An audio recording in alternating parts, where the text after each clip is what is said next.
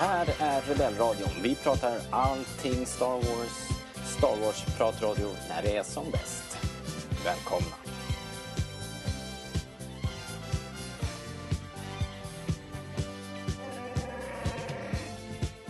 Du lyssnar på Rebellradion, svensk Star Wars-podcast i samarbete med starwars.se och jag som hälsar nya och gamla lyssnare välkomna heter Robert Lindberg. Eh, äntligen dags att prata Star Wars igen. Eh, det var ett tag sedan faktiskt. Eh, Och jag kan inte prata med mig själv. Eh, Så jag har som tur är med mig Star Wars superfan Linus Almqvist. Hej och tack så mycket. Star Hej. Wars superfan alltså. Hur fan Eh. uppnår man det, höll jag på att säga. Ja, bara, det kommer naturligt. jag vet inte. Det är bara, man är född, född redo tror jag. Man bara är det. Ja, det låter ju, det är ju ändå en komplimang. Nej, jag vet inte. Det är väl jag som bara tog fram en guldstjärna och Ja, mer, mer sånt. Mer sånt. Ja men då är det om, om man gör en podcast och om man eh, har en liveshow på Stockholm Comic Con. Då tycker man ändå uppnår en, då levlar man upp i alla fall. De har passerat någon sorts gräns. ja precis. På, Ja, gott, på ja. gott eller ont. Det var ju sist vi körde, då var det live. Ja, det var det fan. Eh, Tiden går fort. ja, jag har typ varit förkyld sen dess. Ja, okej. Ja, Concrad. den har nog inte jag. Men men det var ju kul. Det var ju kul att vara där. Det var, ju- passa på att tacka alla som var där och lyssnade och tjoade och, eh, och applåderade och tävlade. quizade. Mm, Ja, precis. Det var ju en jävla upplevelse. Det hade man Ja, inte trott när jag och Oliver drog igång Close-Up-podden. Eh, för, ja är det nu? Det är väl snart två år sedan. Vi gjorde vårt 70 avsnitt nu senast tror jag. Ni har varit ihärdiga, kör ju varenda vecka. Ja, Close-up. vi kör var, varenda vecka. Eh, så gott det går. Ibland så blir det så här eh, någon, några dagar för sent. Ja, ja. Men vad fan. Ingen har skällt på oss än. så vi får se.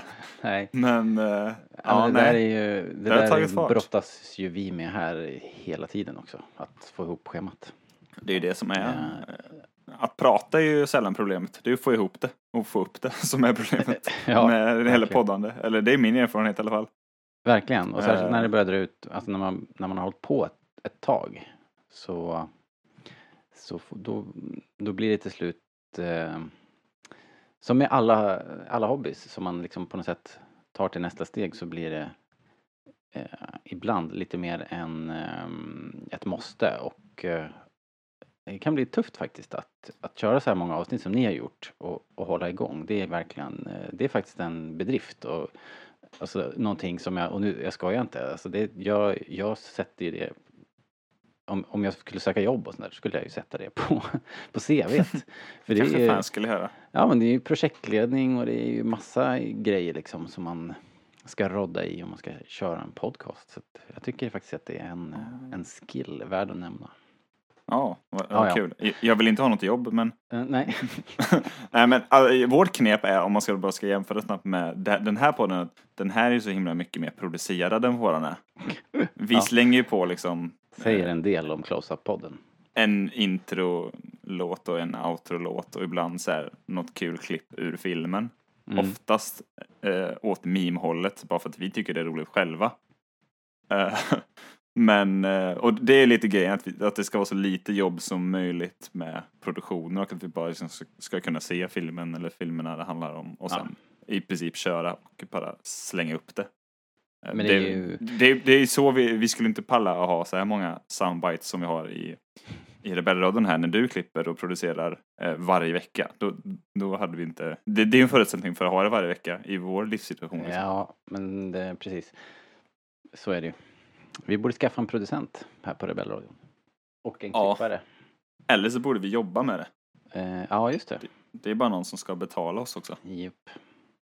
Eh, Så om det är någon som vill betala, ja, precis. Ja, det är bara att donera. av, hör av er. Vi, vi, har, eh, vi har plånboken öppen, kan man säga. Ja, Eller, ja. Det Om vi ens har en liksom. plånbok. Nej, men precis. Nej, men hörru, ska vi... Ska vi ja, där, fick ni, där fick ni lite, eh, lite om bakom scenerna och eh, lite tips eh, från coachen. Om ni ska dra igång er, er egen podd. Um, jag har faktiskt kommit en till svensk Star Wars-podd. Ska man nämna det? Ska man nämna sin konkurrens? Det tycker jag, tycker jag man Det beror på hur vi nämner dem. ja, nej men jag kan inte såga dem, de har bara släppt ett avsnitt. Det vore ju hårt tycker jag. Ja. Jag har missat det. Nu kommer jag inte ihåg vad de heter bara för det. Jag måste tänka efter här. Hmm. De hette Rymdpodden slår tillbaka, heter de. Bra namn, det får man ge dem. Jag tycker det var lite otympligt om jag ska vara helt Ja, uppriktig. Om ni vill ha ett tips var- från coachen men det var ju så kort- kul. korta av det. Ja, det var kul. Kul var det. Det var långt. Eh, men, men det kom väl någon, eh, någon, ytterligare någon podd i våras typ? Absolut. Eh, De, de hade någon affisch uppe krig. på sci-fi bokhandeln i Göteborg tror jag. Mhm. Ja. Då tänkte jag, det borde vi ha. Eh, ja, det är, bara, det är bara att du går dit och häftar upp en. Vi har haft, eh, vi har haft den här i Stockholm, lite, eller på fler ställen här. Men jag vet inte hur effektiv den typen av marknadsföring är. Känns begränsat ändå. Men Vi får försöka sätta den i det så riktiga kulturella finrum på Stadsteatern och sånt där. Försöka få med oss fler målgrupper. tror inte man måste vara där vår publik är liksom. Jo, men bara för att det är kul. På gator och torg. Ja, just det. Tänk att man går och ser Brott och straff och sen så får man reklam och lyssna på Rebellradion efteråt. Det är ju hur bra som helst. Just det. Köpa annonser i, eh, i programmet på Kungliga Operan och sådär. Mm. Yes. Ja, ja men eh, som sagt. Vi kan ju Lite, prata om det. lite spons först så ska vi nog köpa annonser sen så det bara. ja, ja, men eh, det, ju, det var ett tag sedan vi snackade Star Wars. Det har hänt en del. Eh, inte oviktiga saker. Det har ju det ryktas om eventuellt biljettsläpp här till exempel och vi ska prata lite om Kevin Feige och Kathleen Kennedy och Lucasfilm bland annat. Eh, bland annat. Så att eh, vi kör. Let's go!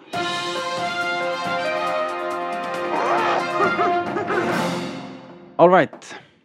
Eh, nyhetsgingen där. Eh, kommer ni ihåg, kommer du ihåg Linus, för några veckor sedan? Det, det, det kanske är två eller tre veckor sedan så kom det en Hollywood Reporter uh, blänkare om att eh, Kevin Feige hade snackat ihop sig med Alan Horn som är så här, han är, vad är han? Chief Ja, en- Creative sånt. Officer på, på Disney. Eh, han Han, han, är inte han typ, jag vet inte, i, på svenska är han väl chef för själva filmavdelningen på Disney kan Ja, man säga. Exakt. inte något sånt, Jag typ? tror att, jo, jag tror att det är så. Han hade i alla fall kopplat ihop Kevin Feige och Kathleen Kennedy.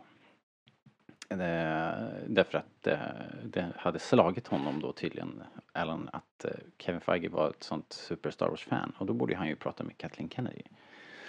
Eh, och sagt och gjort. Och eh, så att det sades då att eh, det här är ju ändå högt upp i Disney, det är ju ingen som sitter och sprider rykten där så att det, det sägs då från, från högsta ort att Kevin Feige ska göra en Star Wars-film. Eh, och ja, kommentar på det liksom. Jag vet inte. Det är väl inte, för tydlighetens skull här nu då, det är inte så här annonserat ut att Kevin Feiges Star Wars-film kommer ut 2024. Det är väl mer Nej. att Kevin Feige och Kathleen Kennedy har haft möten. Ja, precis. Eller? Ja. Om jag har tolkat hela situationen rätt. Ja, inget, inget annat sagt och eh, det dröjde ungefär en kvart efter där så hade ju internet, eh, alla fanboys spunnit loss och eh, då, då det, på forum och Facebook så lät det ju som att Kevin Feige skulle ta över Lucasfilm och Kathleen Kennedy skulle sparkas ut. Ni kan ju själv räkna ut vilken, vilken liksom del av fandomen som, som sa de här sakerna. Eh, alltså så här, Kathleen Kennedy hon, hon har fortsatt mandat på Lucasfilm till 2021. Eller ja, hela året ut 2021. Så hon, eh, bortsett från eh, någon katastrof, är inte på väg ut någon gång snart.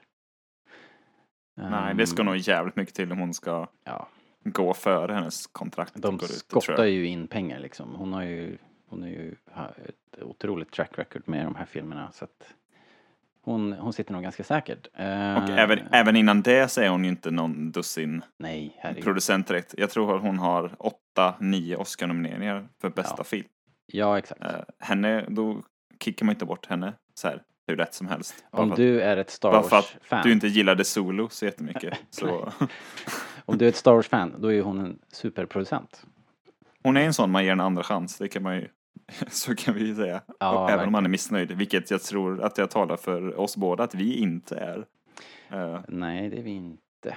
Eh, Solo Men, eh, rent ekonomiskt var väl ingen superhit eh, eftersom det var som det vart med inspelningarna där men den gick ju alltså om, om, om man spekulerar så här då att, att den inte hade behövt spelas in två gånger Ja, jo. då hade ju den gått rejält med vinst. Nu blev det inte så. Men rent biljettförsäljningsmässigt så var det ju ingen eh, katastrof. Det var bara att de hade, behövde ju dra in dubbelt så mycket pengar liksom, för att den skulle gå, gå jämnt ut. Nåja, hur som helst. Eh, det kom en annan nyhet i, igår när vi spelade in. Um, angående Kevin Feige då, att han blev befordrad häromdagen och blev Chief Creative Officer of Marvel. Alltså högsta, högsta hönset på Marvel-film. Eh, divisionen då. Det vill säga motsvarande som Kathleen Kennedy är för Lucasfilm kan man säga. Eller? Ja, Istället för att bara vara producent. jag antar det. Om, om man kan se... Bara, Ja, Lucasfilm är en filmstudio och, och då är väl Marvel, jag kan inte Marvel, men, Men Marvel, Marvel är Studios film- alltså, är ju det är ju en filmstudio. Ja, så de är, de är liksom varandras motsvarigheter fast på olika bolag då. Och innan har väl Kevin Feige bara varit liksom producent på filmerna. Medan Mm. Kathleen- Kennedy har gjort både och, att de båda är VD eller vad man nu vill Ja, kalla det. precis. Samt då producent på Ja. filmerna. Ja, men så det är väl ett litet snäpp upp då för, för Feige. Och eh, han är ju ännu mer då liksom eh, cementerad i, i Mar- på Marvel-sidan så att eh, det ser väl inte riktigt ut som att han är på väg över till, eh, till Lucasfilm någon gång snart. Det känns ju inte som ett jobb man gör på 50 procent. Nej, Liksom. nej, nej men verkligen. Och, och, och, och även om det är så att det här är någon sorts eh, någon sorts eh, steg att han måste upp i en viss nivå innan han kan kliva över och det, så, så kan det väl vara men det kan väl vara i så fall är det ju bara ett steg på steg eh, den här eh, trestegsraketen eller vad det kan vara liksom för att om, om det nu är tänkt att han en vacker dag ska vara aktuell för, för ett jobb som som VD på Lucasfilm då kanske han måste upp i den här nivån först liksom. Eh, Ja. Så att det, vem vet, men det är ingenting som kommer att hända i, här i dagarna i alla fall. Så men det är ju intressant ändå, jag, att han ska göra film, eh, att han hade någon Star Wars-idé då möjligen. Jag tänker att det är lite grann som när eh, John, John Knoll gick in och pratade med Kathleen och sa att han hade den här eh, Rogue One-idén. Att det är på den nivån liksom. Eh, en filmproducent och ett fan liksom som har kanske har något, någon manusidé i huvudet. Mm. Det kan- Det är väl så, alltså, i och med att de liksom opererar under Disney-paraplyet båda två. Mm. Eh, så är det klart, de ses väl säkert ofta. Varför inte utbyta idéer? Ja, Eh, det är ju bara kork. Det är väl, har ju, var ju tisslades och tasslades lite om att JJ skulle göra någon Marvel-grej också.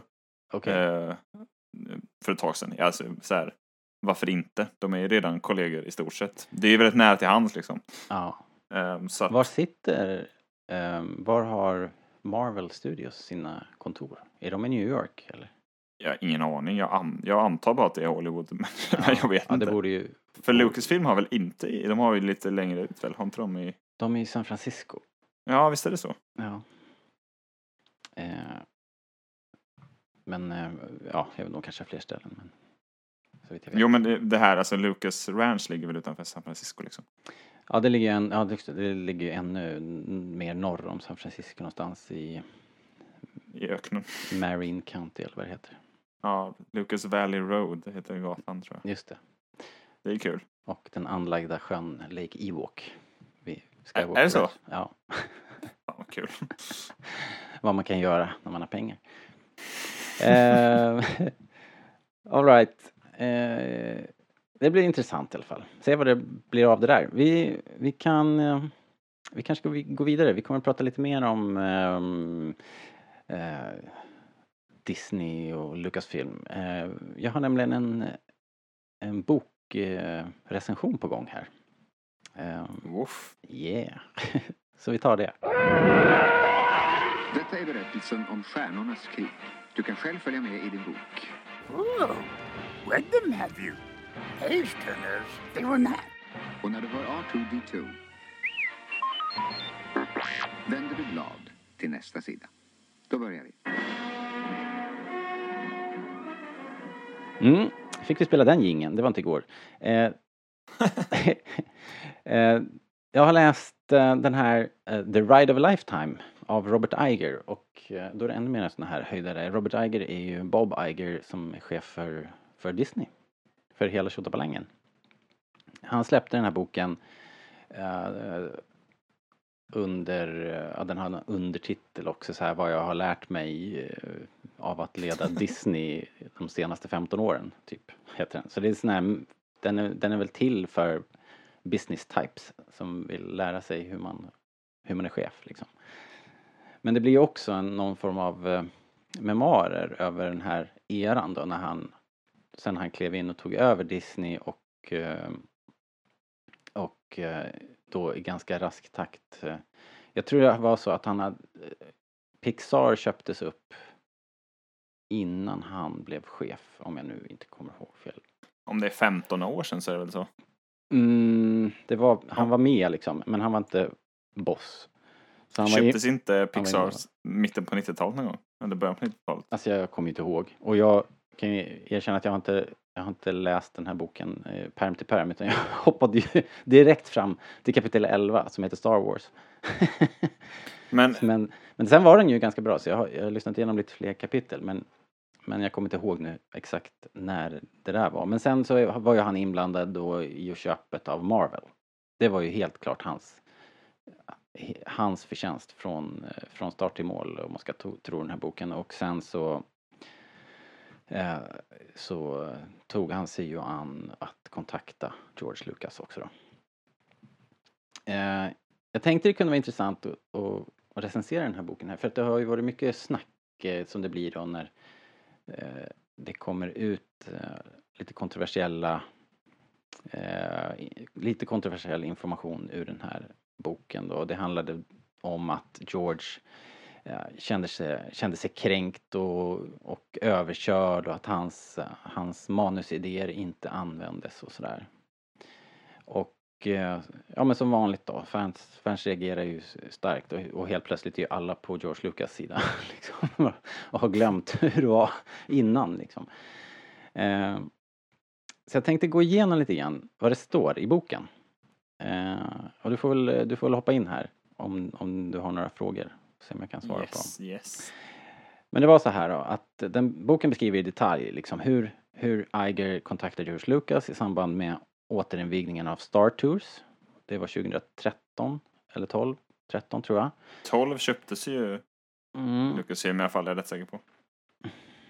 13 tror jag det var. Men, eh, Okej. men, Kanske eh, men, men då avböjde Lucas i alla fall. Han, han sa bara att han var inte riktigt redo att göra det. Men, men han hade ju alltid tänkt att Disney skulle kunna vara skulle kunna vara de som, som kunde hantera Lucasfilm liksom. Så, och han är ju ett fan av, av Disney så länge och sådär. Och de kände varandra lite grann också personligen. Eh, Iger och George. Um, vad som händer sen då är att det går några månader Uh, Lucas, George Lucas hör, ringer tillbaks och säger okej, eh, jag är beredd att sälja, jag vill ha the Pixar deal. Eh, Vem vill inte ha det? Ja, men precis. Och det var eh, en enorm summa pengar. Jag har inte skrivit ner det här nu. Men de köpte ju Pixar för en båtlass med pengar liksom. Men hallå, ägde Disney Pixar när de gjorde Toy Story? Den kom ju 95. Det kommer inte jag ihåg. Det låter som att... Det låter tidigt tycker jag, men jag, jag minns faktiskt inte. Okej. Du får ninja-googla. Se om du kan hitta det. Jag jobbar på det. Ja. Iger säger då att där, den dealen, det är out of the question i alla fall. För att Lucasfilm har inga pågående projekt vid det här tillfället. Eh, bortsett från tv-projekt lite grann då sådär. Och eh, Lucas själv, han har ju spenderat år med att liksom skruva ner allting på sparlåga med, med liksom intentionen att det här företaget i framtiden uteslutande bara ska förvalta det som existerande filmkatalogen och leva på licenspengarna företaget ska klara sig utan honom och han är ju den enda stora kreatören på företaget. Det fanns inga andra regissörer anställda och sådär. Även om det fanns mycket kompetent folk på tekniksidan och så. så men det var väl tanken att det var ju det Lucasfilm skulle leva på efter George Lucas liksom. Så att eh, det vart inte alls den dealen och Eh, den här pensionsmässige George själv då undrade väl, jaha, vad gör vi då liksom? Eh, ja men då började de fila på vad, vad, vad kan det vara värt eh, eftersom Lucasfilm var ett privat bolag och inte börsnoterat så, så fanns inte liksom, fanns ingen information sådär som var tillgänglig för alla. Så de släppte in ett litet team, ett research team. George släppte in Disney på farmen på Skywalker Ranch så att de skulle kunna kolla ekonomin och tillgångar och smyga runt där utan att, utan att någon skulle förstå vad som var på gång liksom. Eh, samtidigt då så börjar George smida lite ränker. Han tänker, hur ska jag kvickt som fasen höja värdet på bolaget? Ja men det är såklart, jag, jag, jag, jag ger dem nya Star Wars-filmer. Så han plockar fram sina gamla idéer och börjar plita ner manus till 7, 8 och 9. Ut, nya utkast. Han anställer ny VD, Kathleen Kennedy då, som vi pratade om tidigare. Eh, och i boken så beskriver Iger det här draget från George att Disney var ju oerhört förvånade att han anställer en ny VD till Lucasfilm när den här dealen är på gång redan. Eh, nu var ju de, hade de stor respekt för Kathleen Kennedy så det störde dem inte så mycket men de var ändå förvånade över det draget. Men det var ju ganska smart av George för att då fick han ju in någon Eh, på VD-platsen som han visste skulle förvalta Star Wars. På, på så vis som han själv ville liksom. Det var ju ett sätt att liksom ha en insider. Um, och Kathleen Kennedy själv var nog lika överraskad som, som Bob Iger för hon visste inte heller att George hade planerat att sälja till Disney när hon blev anställd. Så att det har kommit som en, som en överraskning. Det känns ju lite drygt mot Kathleen Kennedy måste man ändå säga. Ja, li- gode George. lite. Lite. Sen vet man ju inte. Det här är ju Bob Igers ur Bob Igers eh, synvinkel. Så är det ju. Eller liksom Men- hans historia. Så att eh, vem vet eh, på vilket sätt vad, vad Kathleen Kennedy visste och inte visste. Vi får väl läsa hennes bok, vad det lider. Hon känns ju i och för sig generellt inte som någon man lurar hur som helst. Speciellt inte när de har varit Nej, eh, polare så pass länge. gamla samarbetspartners och sådär. Så Ja, jag menar det. hon måste ju Det känns som att hon eh, borde, hon borde vetat i alla fall, eller? Hon måste ju i alla fall ha fått en Det möjlighet att ta så. ställning, tänker jag. Ja, jag tänker det. Ja, jo, men det tror jag också. Ja, eh, när det här var gjort då så fortsätter de att stångas om eh, kreativ kontroll för att George vill behålla kontrollen, kreativa kontrollen över Star Wars och lite andra grejer. Det säger Disney såklart blankt nej till eftersom det är ju liksom Star Wars de köper, då vill de ju såklart ha kreativ kontroll.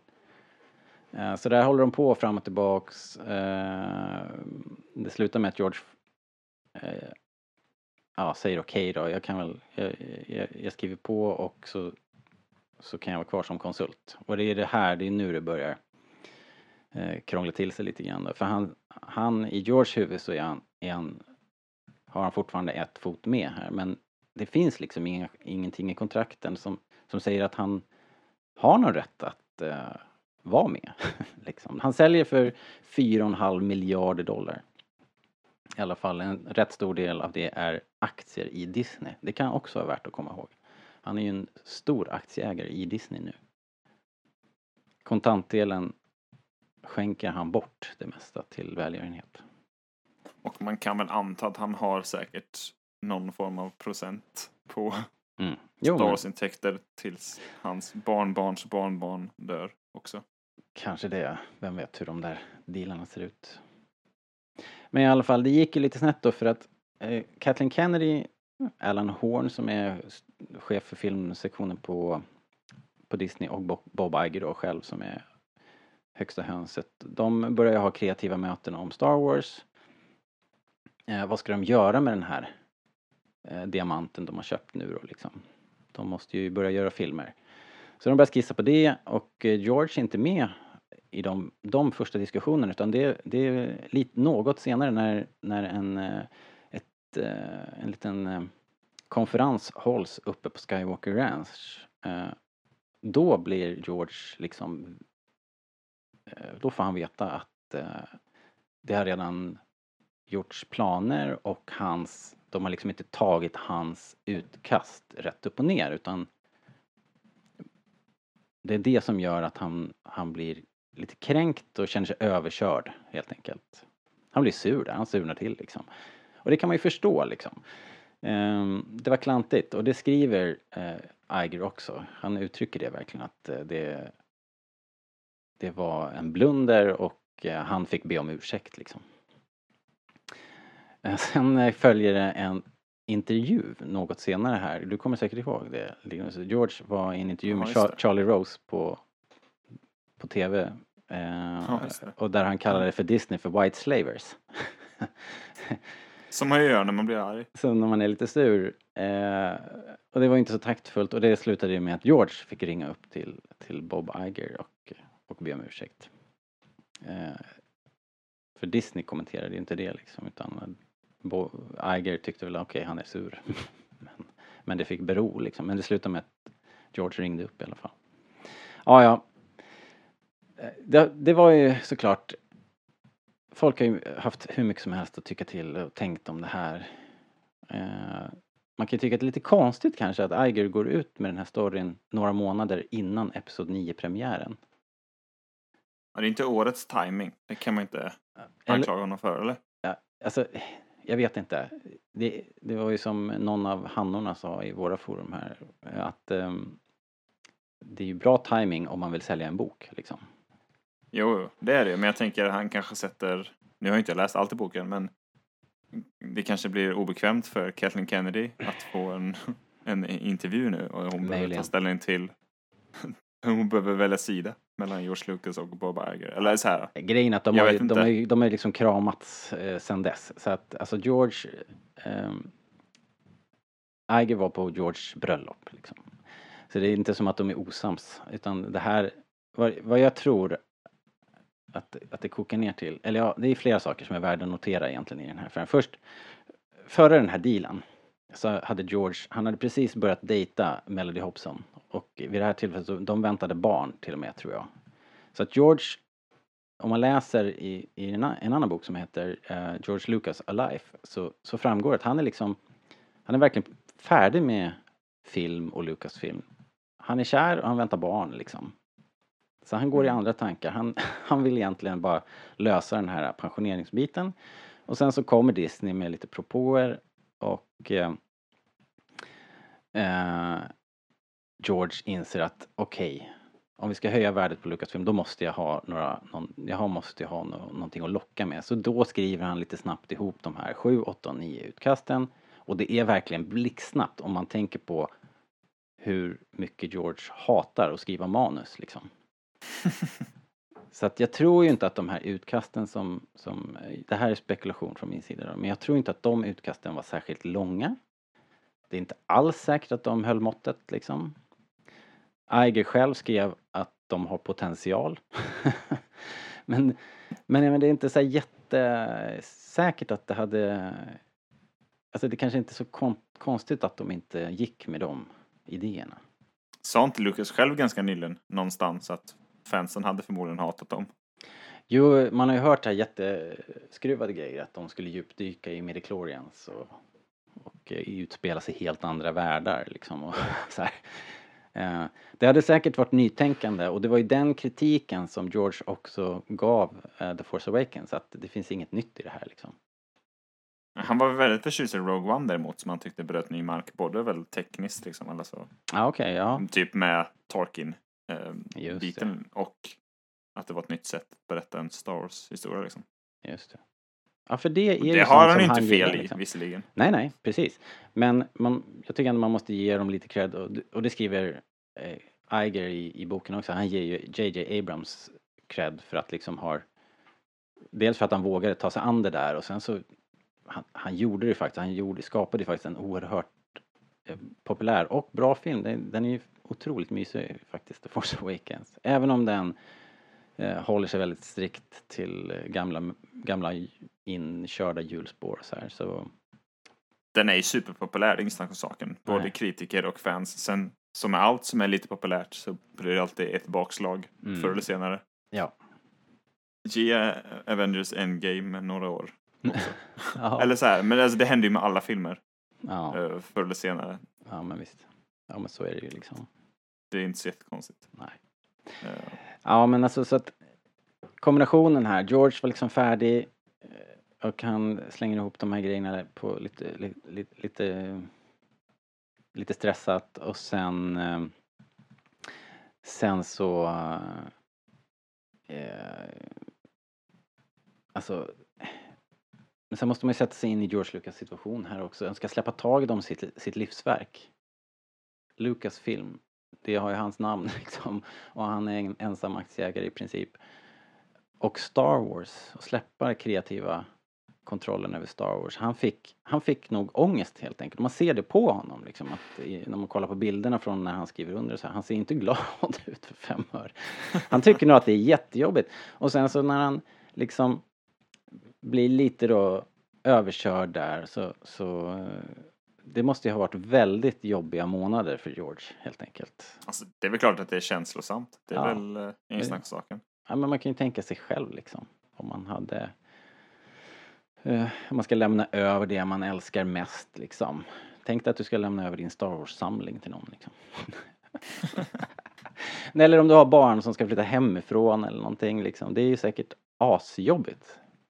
Ja. Helt plötsligt är man gammal och grå och inser att det är viktigt att, man, är, man är själv liksom inte det viktigaste i barnens liv längre. De sticker iväg och skapar ett liv någon annanstans och så Ja. Men det är klart att han blir bitter när han dessutom då, eller när de dessutom inte gör som han har upplevt att Ja. de har lovat eller sagt, eller så här. Som han uppfattat situationen, att de totalvänder på det. Dessutom utan att säga till liksom. Ja. Eller att det kommer fram senare. Det är ju som att, nej, jag vet inte vad. Ja. Jag tror den svenska fotbollsdomaren Jonas Eriksson gjorde en, en bra liknelse för något år sedan. Han var ju tydligen nära för att döma typ VM-finalen eller VM-semifinalen eller något sånt där. Var det hans sommarprat det kom det här? Ja, det kanske var. Jag har bara läst citat någonstans och så var det väl någon som frågade om, ja men tittade du på matchen? Jag bara, nej, det kändes ungefär som att se mitt, eller gå på mitt ex bröllop. Ja. Alltså, det är väl lite samma situation eh, här kan jag tänka mig. ja men är man tillräckligt känslomässigt, kä- känslomässigt investerad i någonting så, så blir det ju så här man Alltså Separation och förändring det är jobbigt liksom och, och separation lär ju vara på topp tre av allt jobbigt som finns som vi har i våra ryggsäckar liksom så man får förstå det att det var tufft. Fan, man saknar ju saker som man inte ens tycker om. Ja, Eh, tyckte om då. ja, ja precis. Så att, eh, ja, Ja. så är det ju. Nåja, den här boken då. Eh, jag tycker den är läsvärd. Jag tyckte det var kul. Det var kul att läsa det här, det spännande och det var kul att läsa sektionerna med eh, när de köper upp Marvel och vilka, vilka jäkla lirare som, som sitter på de här jag sa Hollywood, alltså det måste vara ett jävla skumt ställe att jobba på. Så det är såna, det är, så, det är såna, fast å andra sidan, jag tycker företagsledare ofta är lite, um, de är ju ofta väldigt färgstarka personer, liksom oavsett bransch. Och sen kanske filmbranschen är ännu mera så här, eh, de är, de är riktiga, riktiga karaktärer. Jag kommer inte ihåg vad han hette, han som satt på, som ägde eh, Marvel. Men han hade liksom fått det lite grann på, så här, halkat in i det branschen på något sätt. Så han var, var en, också en riktig tjurig gubbe liksom. Ja, det var kul. Så jag kan rekommendera den. Den heter ju då, eh, vad sa jag nu att den hette? Eh, eh, eh, hittar jag inte här i den här jättelånga anteckningen. The Ride of a Lifetime heter den. Så var det. Men känns det inte nu som, nu kanske han är upptagen med det jävla museet han håller på med. Mm. Eh, han verkar ju spatsera omkring i liksom Lucas films, mm, alltså Skywalker Ranch korridorer och bara plocka saker till sitt, till sitt museum och ingen vågar säga emot. Men eh, när han väl har liksom sjösatt det, Mm. är det inte läge att han skriver sina egna memoarer? Han känns ju som en kille som skriver sina memoarer. Ja.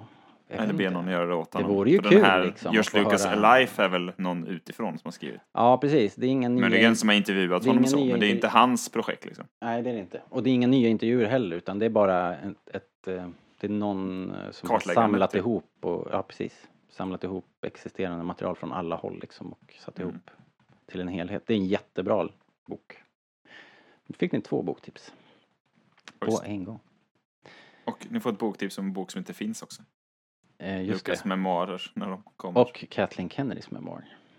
Ja, men de, de får vi antagligen vänta lite längre på va? Nej. Nej. Eh, jag undrar om, om George kommer med någonting. Det vore kul. Jo, det tror jag. Mm. Han känns som att han vill liksom ett sista fuck you innan han blir för gammal. Det Ja. känns som den typen av Wow. Ja, karaktär. Så här, den kommer heta White Slavers.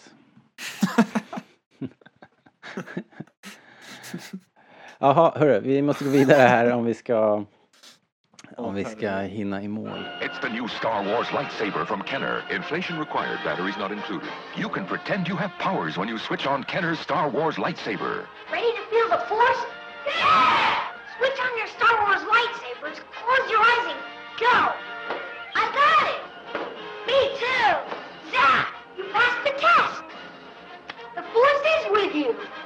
The Star Wars lightsaber, new from Kenner. Balloons not included. Vi pratade lite grann utanför podden här uh, om Star Wars-serierna, Star Wars Rebels och Resistance och hur de står sig i förhållande till Clone Wars. Eh, Jag vet inte, du- Linus, du håller på att kolla Clone Wars eller? Är det så fortfarande? Jag håller alltid på att kolla Clone Wars. Ja, okej. Ja, ja, men du, du gillar ju Nej. den jättemycket. Men det är väl en grej som jag ofta gör samtidigt som jag gör någonting annat så slänger jag på lite Clone Wars avsnitt i bakgrunden. Ja. Det är Eh, nice. Mest för att eh, det inte ska vara tyst och mörkt hemma. Liksom. Men så här, när jag gör något tråkigt. Ja, vilka, vilka, vilken säsong brukar du falla tillbaks på då? Fyra Vad händer där? brukar, av en jävla anledning.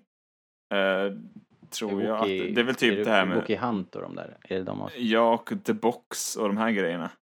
Mm. Eh, och sen tror jag väl också att det är Umbara-grejen va? Oh. Tungt. Tror jag.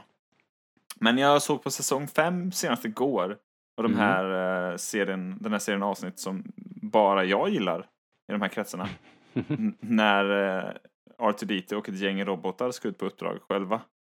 ah, med Gascoigne. Ja, precis. Det, eh, jag gillar ju dem av någon anledning, men det är ingen annan som gör verkar det som. Jag lyckas läsa mig till. Eh, Nej, den tycker jag är lite svårsmält. Men Ja, det är alltså, snyggt jag- i alla fall. Slutar ju lite varför. kul ändå med att träffa på den här um, Commando. Clone Commando, Mm. vad hette han? George? Nej, han hette inte George. Gregor. Gregor. Eh, ja, och sen så har jag eh, kanske min uh, favorit arc, brukar, arcs brukar vi pra, pra, prata om när det är en serie avsnitt ur Ja. hela Clone Wars. Är ju det här, The Citadel, när de ska Mm, frita även Pjäll och man får träffa Tarkin och Just det. Det är väl tre avsnitt tror jag Nice. som är, är ruggigt jävla bra. Japp. Så jag, bruk, jag brukar, det är ingen större variation, jag brukar se dem för att jag, det är kul. Ja, men de är bra. Eh, ja, men vi snackade om det där och vi, vi var så här, ska vi prata om, vi kanske ska prata om, eh, prata om det i podden helt enkelt. Men så, så, för vi, för vi, då var våran infallsvinkel så här, vi kanske ska prata om det. Varför är liksom Clone Wars så himla mycket bättre än, än tyckte vi då, än eh, Rebels och senast också kanske Resistance som, som inte har samma, samma ton alls. Inte samma budget heller, men, men det är framförallt en skillnad i ton. Och ehm, vi, vi som är äldre än typ 12 vill ju gärna att eh, Star Wars liksom ska ha samma tyngd hela tiden som det bästa av Clone Wars eller Star Wars-filmerna, eh, Re- Revenge of the Sith typ liksom. Ehm, Men då passade ju Freddie Prince Jr. att kom- komma ut med en episk eh, rant på, på det här ämnet. Uh, Ni, ni kanske har hört den, men ni ska få höra den här eh, nu så ni vet vad vi pratar om. Det är lite drygt två minuter tror jag och eh, om ni är väldigt känsliga för svordomar så får ni väl eh, eh, hålla för öronen. Stå ut. Ni får, ni får bipa själv liksom. Eh, en makalös rant. Det var på Jeff Dyes Friendship Podcast hette den där han gästade. Så här lät det. I did a Star Wars cartoon, so even I get hate from Star Wars fans when I'm like, look, dog, you're just mad the franchise isn't aging with you. Right. Right. But that ain't how it works. The first one was for fucking kids. Right. Yep. The second three were for different fucking kids. Mm-hmm. and this one is for kids. You're just pissed off that Han Solo gave the fucking Millennium Falcon to a girl. yeah. That's it. Because Luke Skywalker's Cinderella. Or Sleeping Beauty. Yeah. Okay, he can talk to things that don't speak English and understands what they're fucking saying. He gets a fairy godfather instead of a fairy godmother who teaches him how to be the best Jedi in the world in no time fucking flat. And everybody, like, I know more about the Force than most people because Dave Filoni taught me and George Lucas taught him. And all these video games have fucked people up on what the Force is. Like, Luke's skill doesn't dictate whether he wins or loses. Right. The Emperor doesn't dictate whether he wins or loses. The Force dictates who wins or loses based on balance. And here's the the the the quick version on how to explain it to all these people who fucking think they get to decide. In the first fuck, if you want to do this like time wise, Palpatine, you would say, and Yoda are the smartest two. Palpatine clearly smarter because Yoda was blind to the power of the dark side and the seduction of of Anakin. So let's talk about the seduction of Anakin fucking Skywalker for a second. if the Emperor is the smartest dude in the in the universe and knows that the Force dictates this, if he kills who he sees as a rival, Anakin, then he knows the Force is just going to fucking correct that because the Emperor knows this. These are George Lucas's words, not mine. So fuck you if you disagree with me. straight, straight up, this is information, not affirmation time. Straight up, man. So the Emperor knows that. So instead of killing Anakin, what does he do? He seduces Anakin. Double the strength of the dark side. So then what does the Force do? Balance. It balances us. How? It gives us twins, Luke mm. and Leia, two and fucking two. Balance. And if you look at the movie through just that simple perspective, you will not only know why every single bad guy loses and every single good guy loses, you'll know who's going to win and lose in the next fucking movies. I can tell you, I just don't want to wreck it.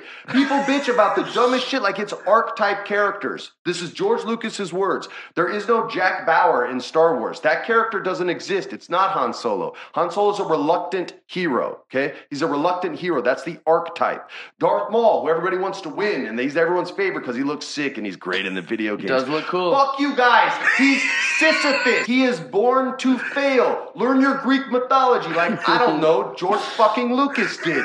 He's cursed to roll a boulder up the hill only to have it roll to the bottom again every single time for eternity. Yes. That is Darth Maul's quest. Yes. He's in on the joke, you guys. He knows it. He's just cursed to live that life. Again, not my opinion. George Lucas's. So go fuck yourself if you disagree. You don't get to level up in the Star Wars world. That's a fucking video game. There's no such thing as a gray Jedi. Qui Gon even says, I turn towards the light because it's there. There's no gray. There's no, that's.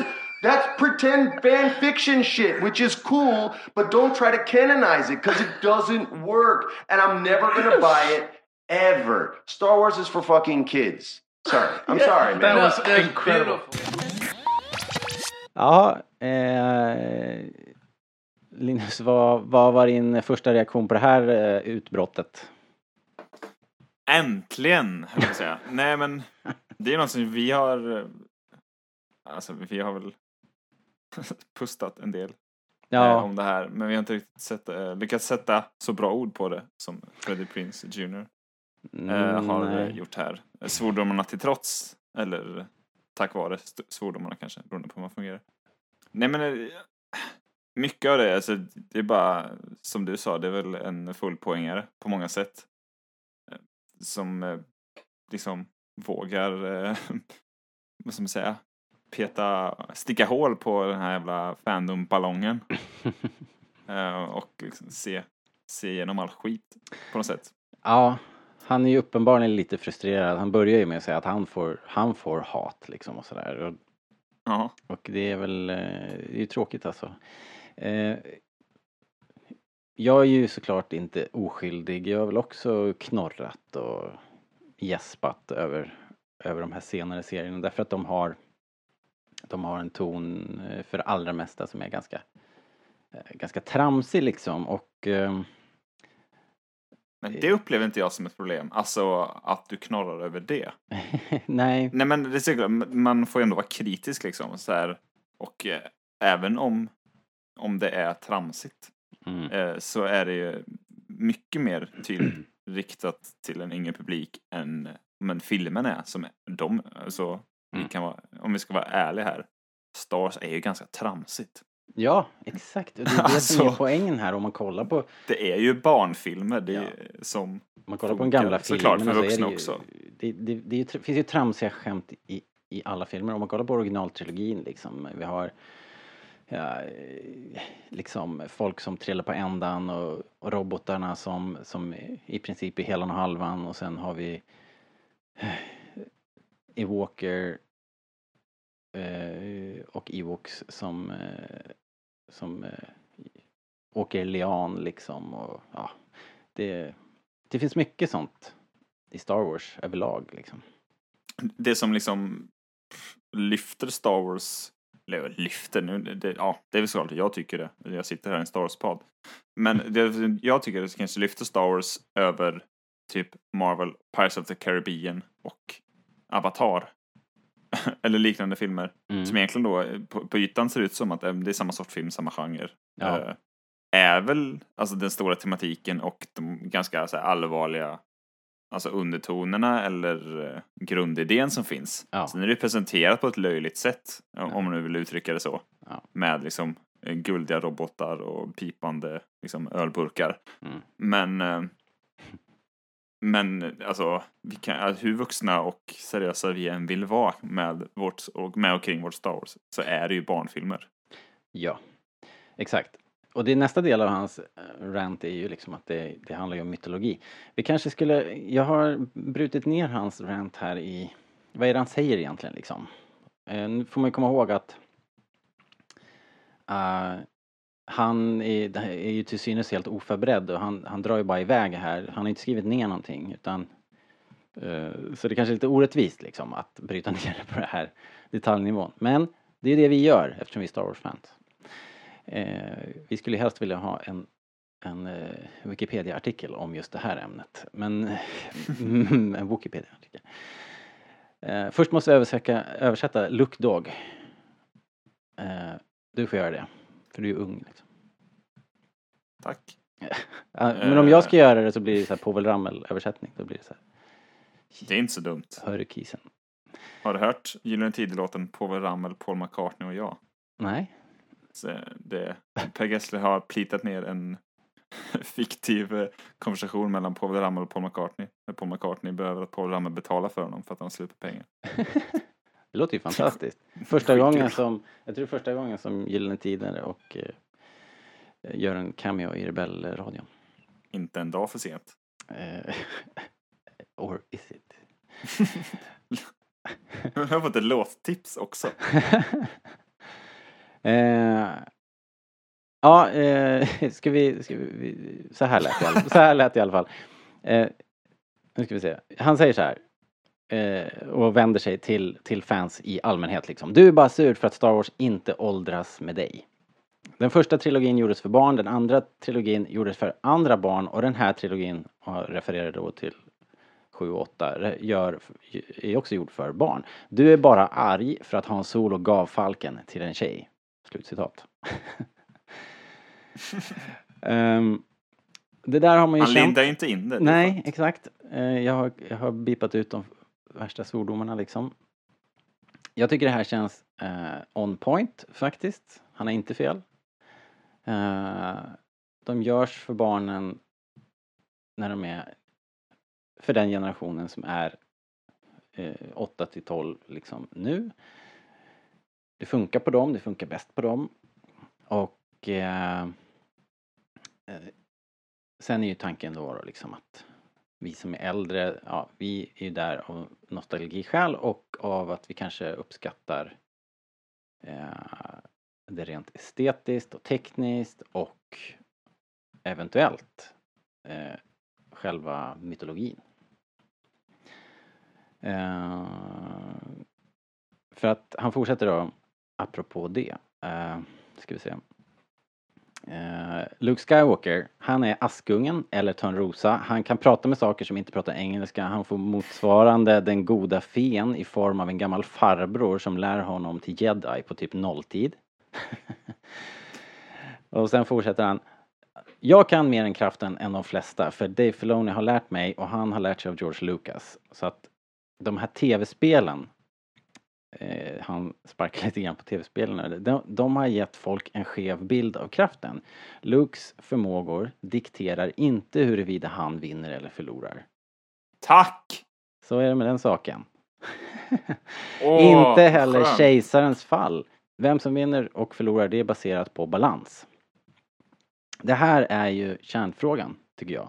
Det här är oerhört eh, eh, on point. För att när folk eh, hakar upp sig på att eh, en eller annan är en Mary Sue eller en eh, eh, orimligt duktig pilot eh, som kan sätta sig i en X-Wing och skjuta ett mirakulöst skott liksom samma vecka som han flyttade från farmen liksom. Eh, det är liksom Men inte... Det är det ingen liksom- som gnäller på. Folk gnäller ju bara på att Ray kan använda den här. Ja, jag vet. f- Det- så här de- mind trick. Ja. Men som att så här, och också den skeva grejen, nu avbryter jag dig, förlåt. Men Nej, nej, jag är kör. fan vad arg, är på den här jävla skiten. Folk som säger ja men eh, Luke behövde ju flera års träning, han kunde inte göra det förrän i Return of the Jedi. Ja men är, vem det- säger är att det är... Alltså, är det din arga med- fanboy-röst som vi har? Ja det är det. Vem säger att det ens är en jedi-grej att göra mind trick? I- Jag skulle säga att det är väldigt o-jedi-likt att göra mind trick. Mm, det är det Men faktiskt. kanske det, ja. Sen, eh, eh, jedi, liksom, träning handlar ju verkligen inte bara om att bli stark med kraften. Alltså det är ju ett synsätt på det. Mm. Man blir inte starkare med kraften för att man bor i jedi-templet. Nej, precis. Utan det är ju... Vem som helst kan ju vara en, en idiot med kraften. Alltså, det är inte, träning går inte ut på att, att lura folk. Nej, Nej det, så här, det, det, det, kan är inte vara, det kan inte vara deras, eh, det kan inte vara ett delmål i träningen liksom. Men- Det är inte så, det är som Harry Potter. Ja, idag är det mind trick-lektionen med Plo Koon. Så, här, så kommer han med en jävla bok. Alltså jag vet inte. Viss, visst mått av teknik är det ju liksom. De, de Jo, lär sig ju det är vissa- klart att det de, är, De men- lär sig så. Men, men det som Freddie Prinze Jr. eh, pekar på här är att det är helt irrelevant. Vilken nivå du är, är på med. eller om du har en viss förmåga, om du kan skjuta blixtar med fingrarna eller om du kan göra, göra mind tricks. Det är liksom inte det som styr huruvida du kommer vinna eller inte. För att det handlar om, det, det är kraften som styr. Och de här personerna som råkar ehm, hamnar i de här situationerna eller som liksom är protagonist och antagonist i de här filmerna, de är arketyper baserade på en mytologi som är tusentals år gammal. Därför är de liksom dömda till att lyckas eller misslyckas. Det spelar ingen roll, allt annat är liksom, har ingen betydelse. Sen kan man ju säga att det är trovärdigt eller inte, men då har man liksom inte riktigt eh, Alltså huruvida man köper det på film eller inte, det, kan, det är klart. Det, det, det, det är inte alltid man eh, eh, hänger med i svängarna eller köper eh, twists and turns i en, i en story liksom. Det här kastar ju nytt ljus på, på George Lucas sätt att skriva också, framförallt tycker jag. Mm. Att det liksom... Att... Åh gud, hur- jag vet inte fan jag ska uttrycka mig. Men att, att det är förutbestämt i, liksom, i någon mån. Mm. Eh, och att det inte handlar om eh, karaktären, alltså personen på samma sätt. Utan det handlar, alltså precis som han säger, att det är arketypen. Att det här är en sån karaktär, den gör det här. Så precis så är det ju. Det, det, det är ju exakt det han Det är menar ju, här. de är ju verktyg för att alltså, få fram någonting. Det är ju, det, Ja. alltså, här har ju storyn kommit före karaktärerna nästan. Snarare än Han, kom, han, kommer, han kommer till det. Vi, du ska höra här. Vi kör eh, nästa mening. Han, han drar vidare här. Om vi ska prata om Anakins, eh, och som han säger, Anakin fucking Skywalker. Om vi ska ta hans fall till den mörka sidan då. Kejsaren är smartast i universum. Han vet att om, han dödar Anakin, eh, som han ser som ett hot, då kommer kraften kompensera för det.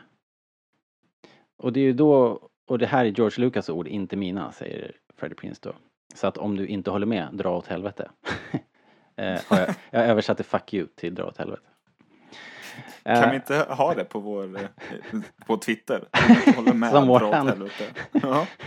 Här på podden liksom, vi börjar med. Rebellradion, om du inte håller med, dra åt helvete. Jag klippa in det i introt kanske. På riktigt, eh, liksom, så här. Glöm din självbekräftelse, det är dags för information. Det låter mycket bättre på engelska, men det är så det är. Han, han menar på att det handlar inte om att du ska få liksom eh, kasta bensin på din egen headcanon, utan så här är landet. George Lucas presenterar. Vad gör kejsaren? Jo, han förför Anakin över till sin sida. Okej, men vad gör kraften då? Ja, den korrigerar och balanserar och ger oss tvillingar. Okej, så att två mörka och två ljusa. Och här kommer ju det som du eh, pratade om alldeles nyss Linus. Om, om man ser filmerna genom det här filtret, då vet man på förhand vem som kommer att vinna och vem som kommer att förlora i Star Wars. Freddie Prince hojtar liksom att jag kan tala om för dig nu vem som vinner i Episod 9.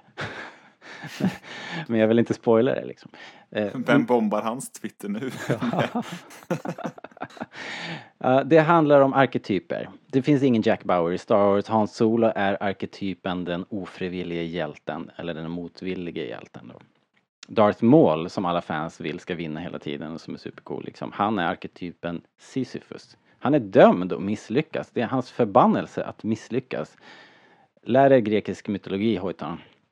Ungefär som George Lucas gjorde då. Maul, han är dömd eh, utav dödsguden eh, Hades då i så fall att rulla upp stenen, stenbumlingen till krönet och sen se den rulla ner igen till dalgången och så får han börja om igen. Det är liksom hans förbannelse, det är hans öde. Det, han kommer aldrig ta sig därifrån. Och det här är George Lucas ord då, inte min åsikt. Så dra åt helvete om du inte håller med, säger han igen. Och det finns liksom ingenting som heter att levla upp i Star Wars. Det är tv-spel, han kommer tillbaka till tv-spelen här. Det är bara i tv-spelen, det finns ingenting som är en grå jedi. Eh, Qui-Gon säger det själv, jag vänder mig till ljuset för att det är där. Det finns ingen mellanväg. Allt det där är fanfiction.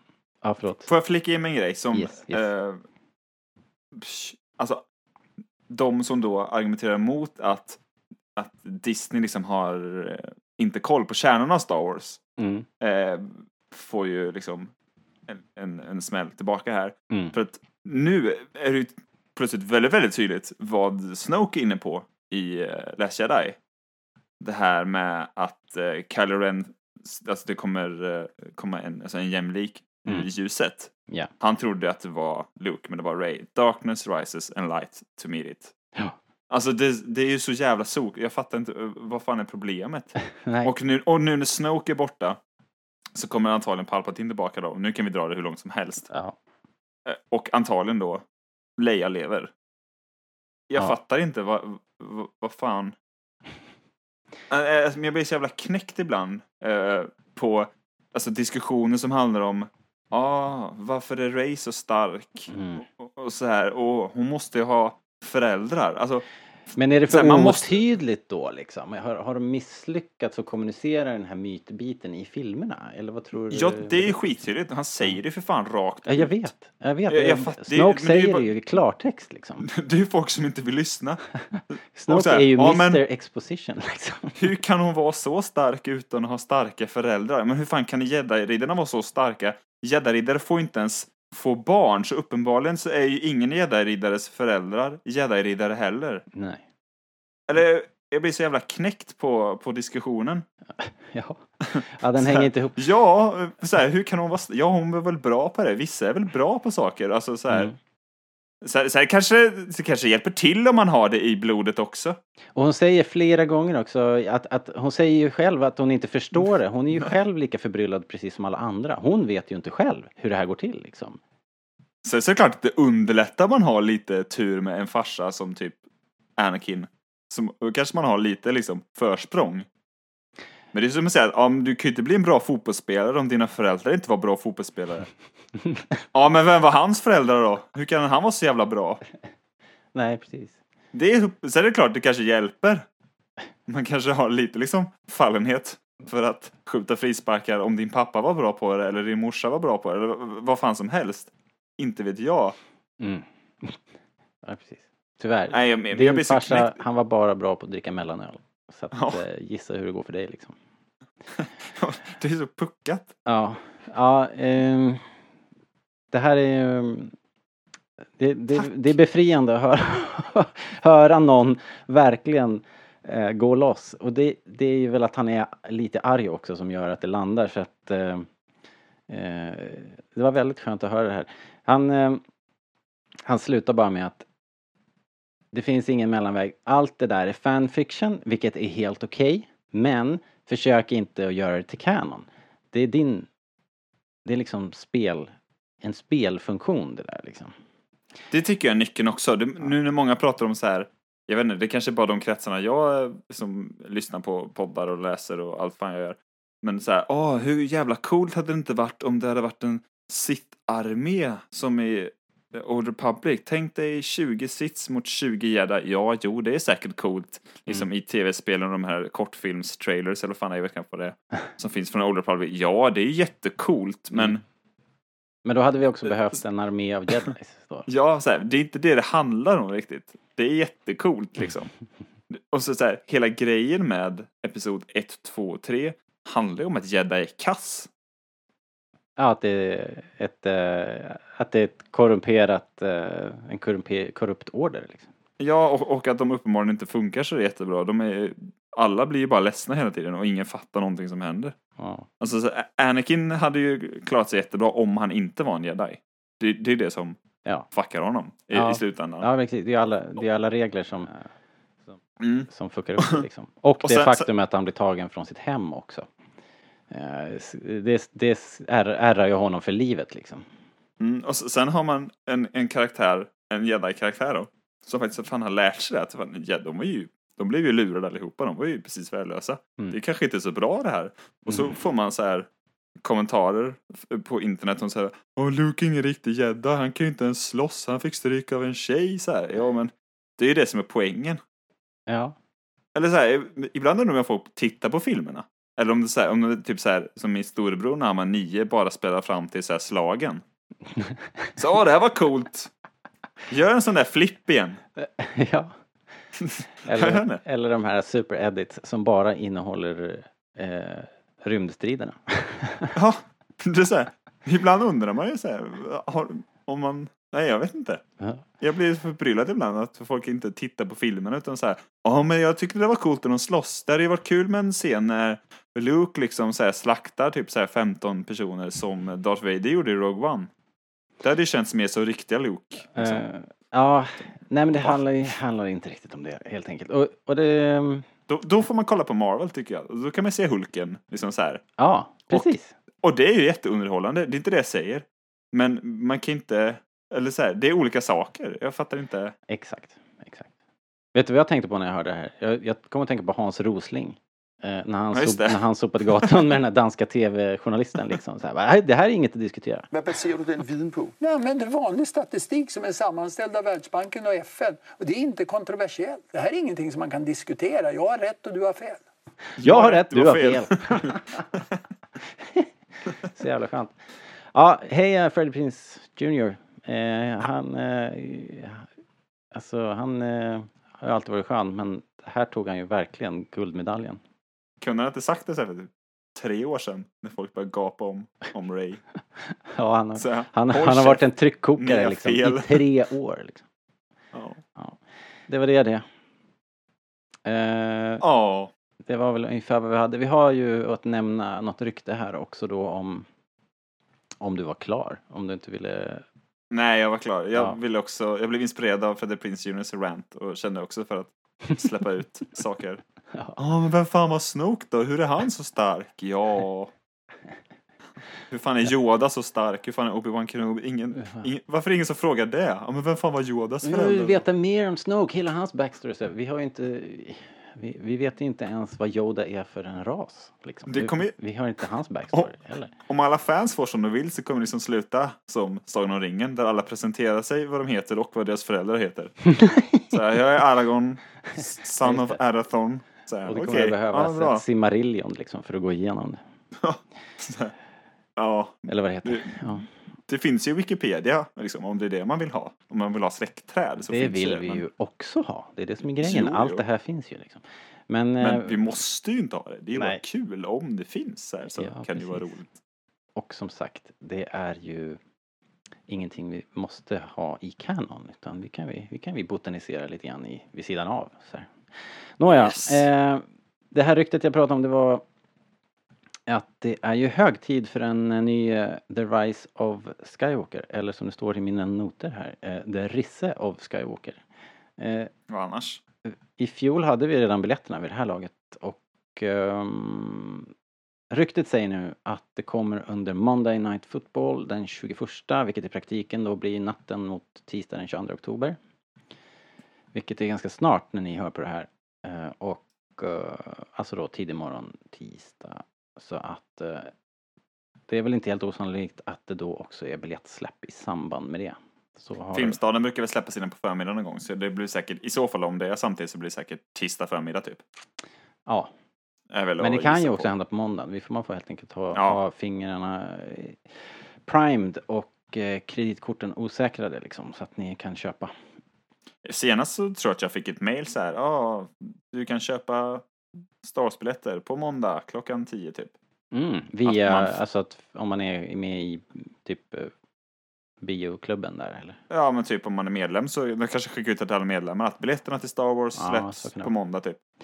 Um, Så så det mycket det, det brukar inte vara någon hemlighet så att de bara kommer utan någon förvarning. Alexander har alltid rapporterat så här från den här ytterpyttelilla biografen i Falköping att de har ju, de har börjat sälja biljetter alldeles för tidigt och såna här grejer. Det Jaså? är jätteroligt. Eller i alla fall lagt upp Typiskt det på sina hemsidor och sånt. Ja, det är väl någon sån här liten frifräsarbiograf. Det är roligt. Ja, Ehm, ja, men det var det. Jag tror vi nöjer oss så här faktiskt. Det är om det. Jättekul. Vi kan ju säga också att när det kommer en trailer, då lär vi ju sammanträda igen här och köra en eh, trailerspecial. Ja, det blir ju svårt att låta Det bli. brukar bli så. Ja. Eh, ja men då så. Då rundar vi av. Eh, ni som använder iTunes, passa på att ge oss eh, bra betyg. Fem stjärnor kanske. Gör det nu, inte sen. Okej, man kan göra det direkt i appen. Eh, man kan också välja att lyssna via Spotify. Alla gamla poddar hittar du annars på rebellradion.se eller stars.se och eh, skriv till oss. Eh, gör din egen Star Wars-rant och skicka in den till rebellradion starwars.se och eh, eventuellt eh, eller på rebellradion på Facebook. Eh, yes. Tack för den här gången Linus. Ja, tack själv och tack alla som lyssnar. Ja. Månad efter månad. Ja, Det är kul. vad jag förstår tycker folk att det är kul. Så, Ja. att, eh, så, vi, så vi kör väl på ett tag till. Bra. Ha det, hej då! Hej då!